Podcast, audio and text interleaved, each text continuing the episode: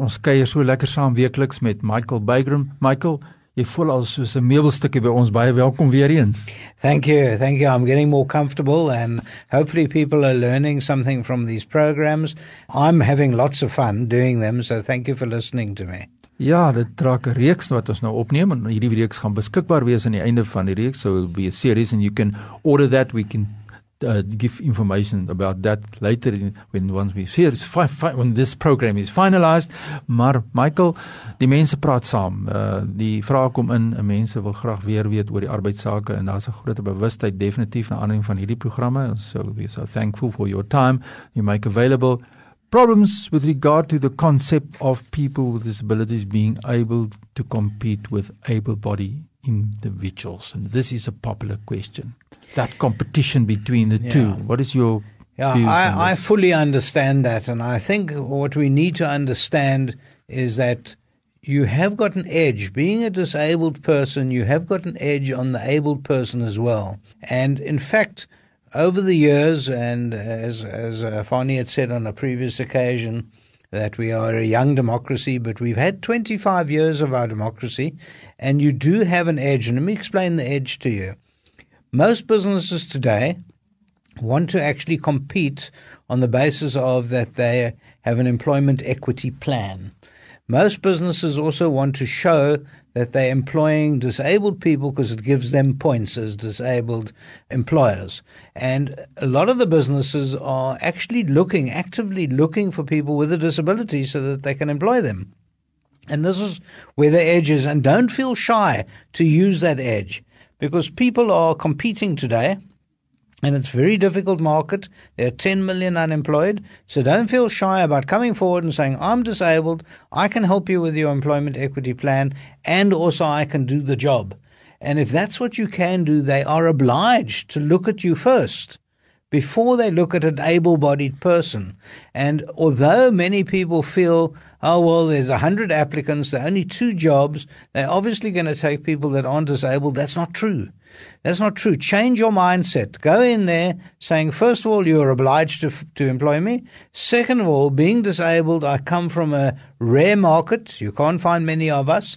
And thirdly, I will be loyal, I will be good, and I will do the job. So you've got to go in with a positive mindset. If someone came to me and I was the employer and said, listen, I've got this disability, I can overcome it, I'm going to be loyal, I'm going to be very grateful for the job, and also you can actually add points to your employment equity plan, then I would, as an employer, I would jump up and grab you and say, You're not escaping. I want you. I need you as my employee. Because in turn, I can use you also to be able to get contracts from other companies, big companies, who are saying they ask nowadays. They do. They say, "How many disabled people have you got? What's your percentage?"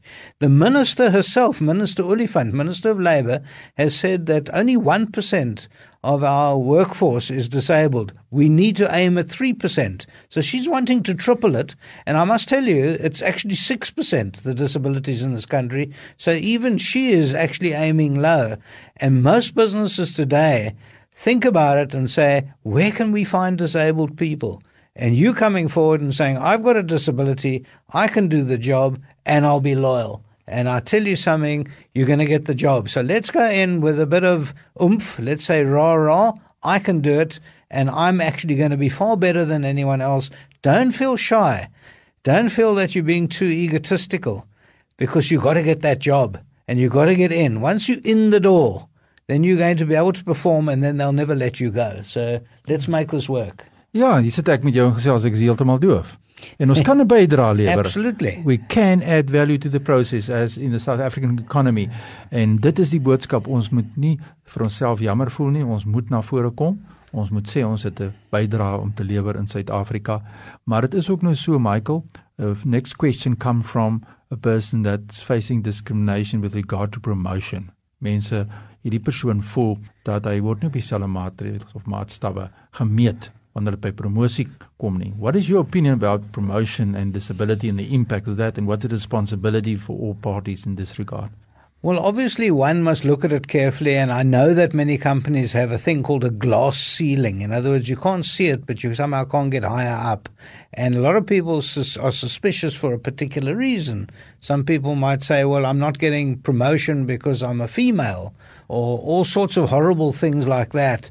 If you feel there's a ceiling put there because of your disability, I think you must raise it. You must raise it as an internal grievance and let's see how they handle it. Because if they can't handle it properly and they can't answer you, then there's going to be guilt there and then we can challenge it. And I feel that if you don't raise it, then you're never going to be able to get through that barrier, that glass ceiling. And so I'm strongly suggesting raise the issue, tell them your fears, saying, I'm sure this is not the case, but I've got a feeling let me go and talk about this feeling. I want to hear from the employer. And I cannot be considered for a certain position because of my disabilities. The issue of can are you able to to complete or able to function in that post, meet the minimum requirements of that post, and not say this post is for blind people and this post is for deaf people, that type of thing. You agree? Absolutely. And that's what's so unfair about the system. You need to challenge it. You need them to actually put down on the table exactly why they haven't given you the promotion. And you're not here to listen to nonsense. You want to hear the truth and you'll be able to see through what their problem is. Ja, dit is die mening van Michael Beyger, 'n kundige op die gebied van arbeidsake in Suid-Afrika, regsgeleerde en ons leer elke program so baie by Michael. Michael, in 'n volgende program wil ons bietjie gesels oor diskriminasie as mense diskriminasie ervaar tussen sy mede-kollegas byvoorbeeld. Ek werk vir die publiek of met die publiek en daar's diskriminasie in my werkplek as ek miskien by 'n ontvangstoonbank werk of waar ook al die geval mag wees. So ons gaan lekker gesels in 'n volgende program oor hierdie saak na reeks programme wat ons gesels tot ons nie meer navraag kry van die publiek nie. Michael, dankie vir jou tyd. Thank you so much for making your time available. It's precious. And your contact particulars if people want to ask you questions about their employment situation.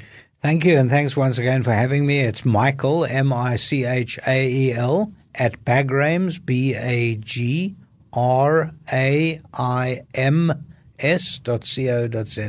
Ja, dit is die kontakpersoonrede van ons regskundige hier, maar dit is belangrik dat ons iemand kry wat praat met ons oor die gestremde perspektief rondom wetgewing en net in die algemeen nie. So ons kap hierdie proses oop. Ons bring die feite na vore. So stuur vir ons jou e-pos nou. Ons wil hoor wat is jou uitdagings in die werkplek? What is your challenges as far as employment is concerned? Email fani.dt@mweb.co.za. Groetens tot 'n volgende keer.